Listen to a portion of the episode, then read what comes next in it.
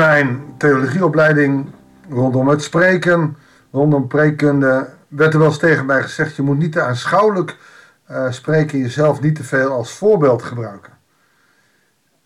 Dat heb ik overgeslagen en ik gebruik mezelf regelmatig. Want ik denk dan beter mezelf gebruiken, of een stukje zelfspot, of voorbeelden uit je eigen leven, je kwetsbaarheid laten zien, dan anderen gebruiken. In dit geval gebeurt het wel heel erg letterlijk door de profeten. Als de koning aangaf willen duidelijk maken dat hij fout is. Dat hadden ze ook gewoon kunnen zeggen.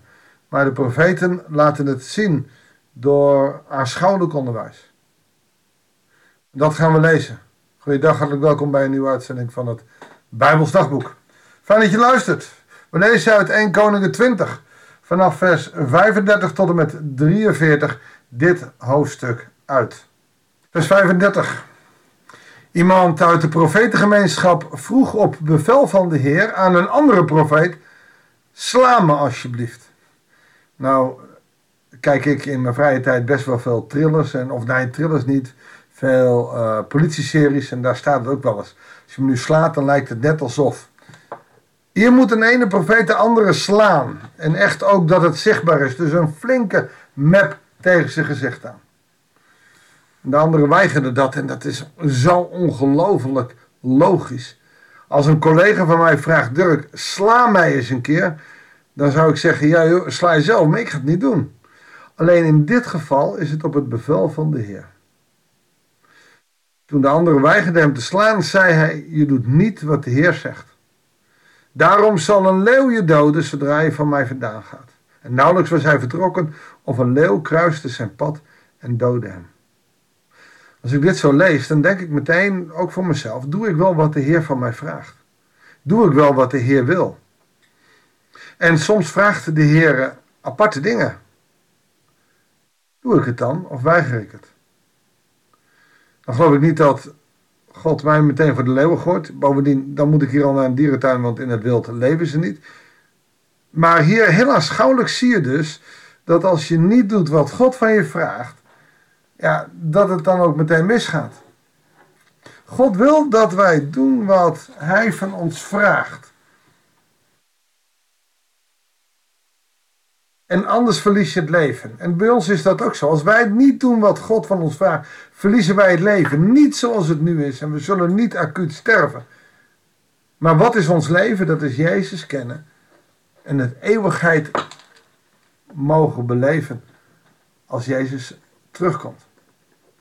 En dat leven, dus het leven van de toekomst, dat verspelen we op het moment dat we niet luisteren naar God. Dat we dus niet staan in een relatie met God. En dat is wel heel heftig. We gaan kijken hoe het verder gaat. Vers 37, daarna vroeg de profeet een ander, sla hem alsjeblieft. Deze man sloeg hem tot bloedens toe. Blah. Ik heb al geleerd dat je elkaar niet mag slaan en dat maar wanneer het in opdracht van God is, dan heeft het een bedoeling. Deze profeet die denkt, ja, dit zal mij niet gebeuren. Nou zal je het weten ook, vriend. En tot bloedens toe is de profeet geslagen. De profeet ging langs de weg staan waar de koning voorbij zou komen. Nadat hij zich onherkenbaar had gemaakt door zijn doek voor zijn gezicht te doen. We zouden tegenwoordig zeggen een hoodie op, zo'n muts op, zodat ze niet zien wie het, uh, wie het is. Toen de koning voorbij kwam, riep de profeet hem toe. Toen ik op het slagveld was, heer, kwam er iemand op me af met een man bij zich en hij droeg me op die te bewaken. Als je hem laat ontsnappen, zei hij, moet jij in mijn plaats je leven geven. Of anders moet je een talent zilver betalen. mijn aandacht werd van alle kanten opgeheist en opeens was hij verdwenen. De koning van Israël, dus Agab, zei, je hebt je eigen vonnis geveld. Snel, voordat de koning verder trok, trok de man de doek voor zijn gezicht weg. En toen zag de koning dat het een van de profeten was. En hij ziet ook meteen dat deze profeet gehavend is, geslagen is. En uiteindelijk zal de profeet dit allemaal uitgelegd hebben. En dit zegt de Heer, zei hij tegen de koning. Je hebt de man op wie mijn ban rustte laten gaan. Dat is het voorbeeld. Ik heb je iemand in bezit gegeven en daar moet je op letten.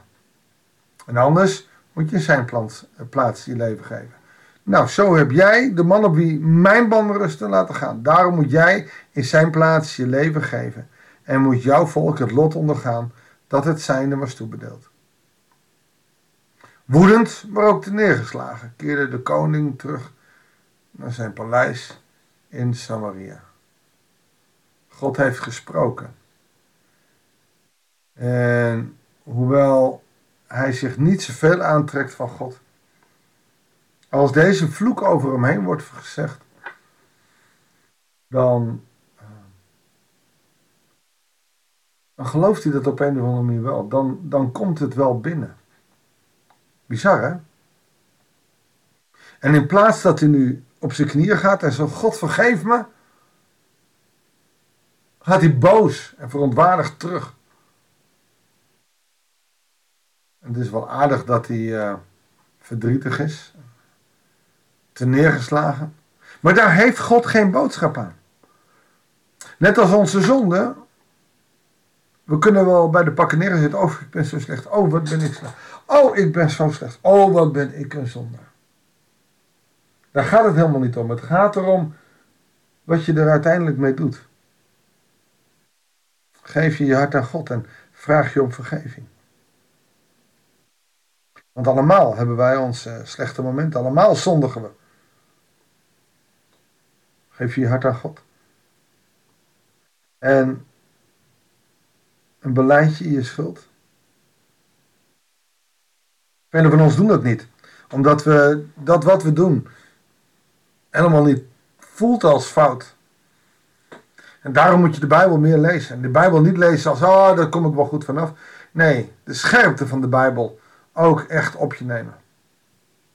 Dan zal je zien dat ook al leef je van de genade, je toch nog in die gebroken wereld leeft waarin je verleid wordt om de verkeerde dingen te doen.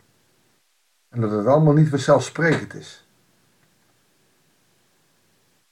Ook wij hebben verantwoordelijkheden gekregen van God om voor onze naasten te zorgen. Al wij als we het niet doen. Dan mogen we nog zo in de genade leven. God zal ons vragen, wat heb je ermee gedaan? Laten we samen bidden of ons hart gericht mag zijn op God. En door God. En door zijn liefde in ons leven. Op de mensen om ons heen.